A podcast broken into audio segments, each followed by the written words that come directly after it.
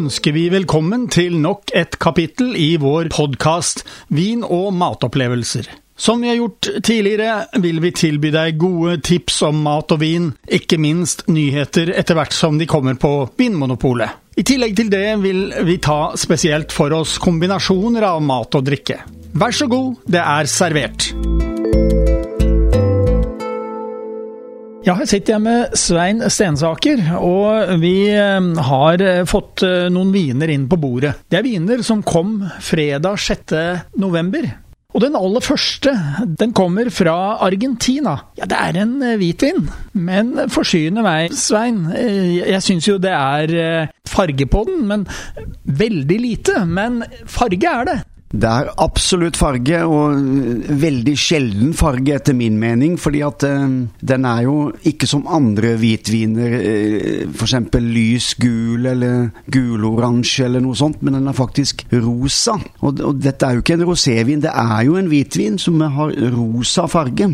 Og hvis vi spør oss selv eh, hva, hva kommer det av, så er det jo eh, slik at den er eh, laget helt og holdent av, ja, la oss si nasjonaldruen i Argentina. Denne fantastiske rødvinsdruen som heter Malbec. Ja, den er jo kraftig i fargen, og lager kraftige rødviner. Men her har de altså forsøkt å lage en hvitvin av den.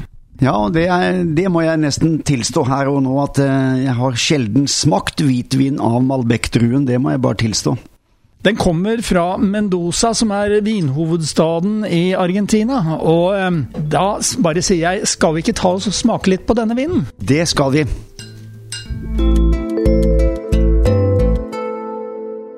Og da har vi eh, smakt på Trivento White Malbec Reserve, som den heter. Det er en ung vin.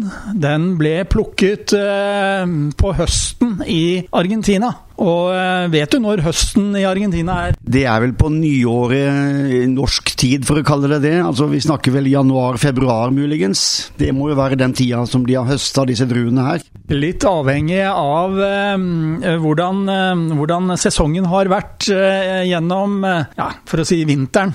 I eh, november-desember så er det da den store vinhøstfestivalen i Mendoza. Den er jo da, etter det jeg har blitt fortalt i begynnelsen av februar. Akkurat. Det var ikke jeg helt klar over, men det, det høres jo veldig tilforlatelig ut at den er fra det tidsrommet. Men nå har vi altså smakt på denne vinen, og ja, for å si det sånn, eh, i hvert fall det første inntrykket mitt, det var at det var en frisk vin. Den hadde en del syre, og så hadde den ikke så veldig mye sukker ca. 5 gram per liter, og det er det jeg kaller en tørr vin. Så en, eh, en eh, god eh, slump syre og lite sukker, så gir det en frisk vin. Og denne gangen så har vi da fått kjølt ned vinen, så den var akkurat sånn som man burde være, vil jeg si. Frisk og god, og hadde mye, mye frukt. Hva var ditt inntrykk? Jo, jeg er enig i det, men i tillegg så syns jeg at den hadde veldig god syre. Det var i grunnen det første jeg bemerka når jeg tok den første slurken, at denne, denne, vinen her går veldig godt til en god fiskemiddag med kanskje litt spenstige sauser til. Den vil tåle det. Jeg eh, tror kanskje ikke at dette er vinen jeg ville valgt til en aperitiff, fordi han er veldig frisk. Jeg ville ha valgt denne til eh, litt eh, god fiskemiddag, som du var inne på. Kanskje skalldyr. Når vi snakker om fiskemiddag, så er det jo um, gjerne veldig ofte fisk naturell. Uh, vi har ikke så mye stæsj. Vi har litt grønnsaker av og til, men eh, ikke, for øvrig ikke så veldig mye stæsj. Men kommer vi litt nedover i Europa, eh, så, så, er det jo gode sauser til. Fiskesauser og saker og ting. Da vil denne komme til sin rett, eh, tror jeg. Det er jeg helt enig i. La oss si en hollandesaus f.eks., så vil den matche fullstendig. Og, og, denne vinen krever mat, så jeg er helt enig i at denne er nok ikke førstevalget på terrassen. Produsenten av denne vinen har eh, anbefalt også uh, denne vinen til grillet fisk. Jeg vil tro at det kunne være noe som ville passe bra der. I uh, Argentina så går det jo veldig mye i grill. De er uh, verdensmestere på det. Og jeg er sikker på at de griller fisk også. Det kan jeg tenke meg. Når de først har fyrt opp grillen, så kan de like gjerne grille fisk som kjøtt, tenker jeg.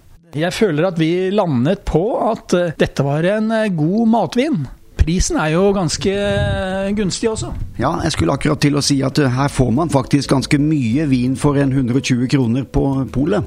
Veldig mye, faktisk. Da har vi fått en ny eh, hvitvin. Det er hvitvin, det òg, eh, i glasset. Og det er en eh, fransk eh, hvitvin. Det er en eh, vin eh, Ja, det er faktisk I forrige program så hadde vi to andre viner fra samme vinområde. Begui. Det er da et område jeg ikke er veldig kjent med. Jeg har smakt viner fra, fra Jura-området, men dette er altså vinområdet mellom storbyen Lyon og Genéve. Den eh, ligger da ved foten av Jurafjellene, så eh, det er spennende. Det er en eh, vin som koster 210 kroner. Den heter Altesse Montagny, og det er vinprodusenten Yves Dupont som har produsert den. Det er en biologisk vin, altså økologisk vin, ville vi ha sagt. Og det er en 2018-versjon.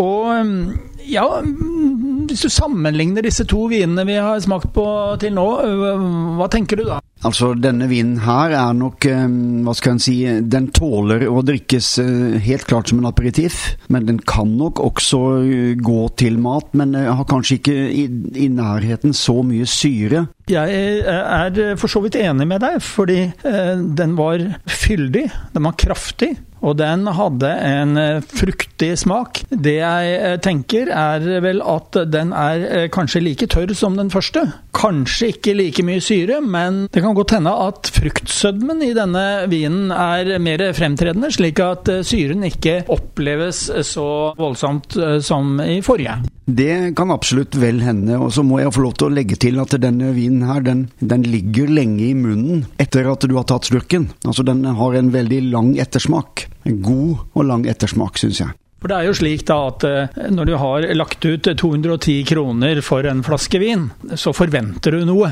Du forventer en, en, liten opplevelse når du smaker på vinen. Og med den kraft og fylde som denne vinen har, så vil den jo klare seg veldig godt til veldig mange av de matretter som vi kan tenke oss. Det vil den absolutt, helt klart. Selv om det jeg sa i stad når det gjaldt syren, så er nok ikke syren fremtredende, men det kan også hende at det, det er syre i den, men at den er på en måte balansert mot resten av de smakene som er i vinen. slik at når man hadde fått testa den her mot la oss si en sterk saus, så kan det godt hende at denne ville balansert vel så godt som den første vinen. Det er ikke ofte jeg spiser kveite, men jeg har gjort det et par ganger. Og da har jeg registrert og erfart at kveite er en kraftig fisk. Og hvis du da har en god saus på den, tror jeg ikke ville hatt noe problem med å velge denne vinen her. Det kan vi være aldeles enige om.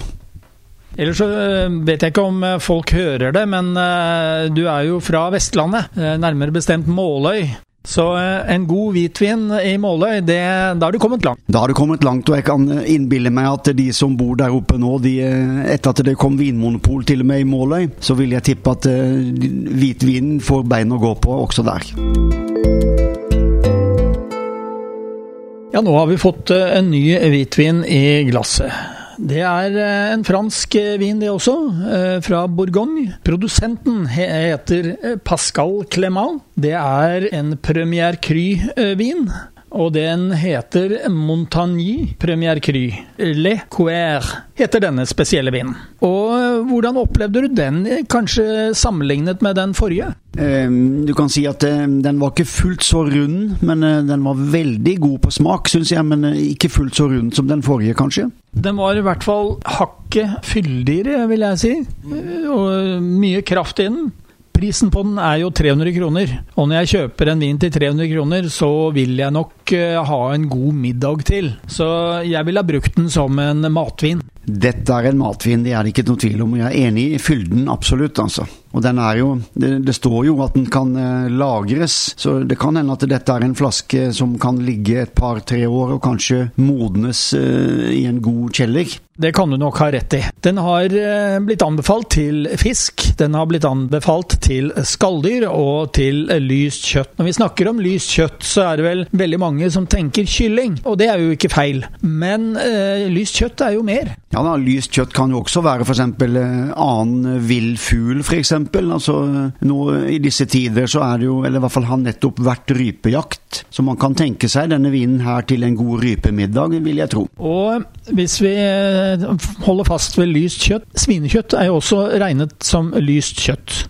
Men eh, samtidig så vil jeg si at eh, da er det viktig at eh, den, det svinet ikke blir eh, kan du si, fulgt med en brun, tykk saus, for da vil du slite litt med denne vinen, tror jeg. Da tror jeg nok eh, en rødvin eh, ville vært mer passe, men kjører man en lys skysaus f.eks.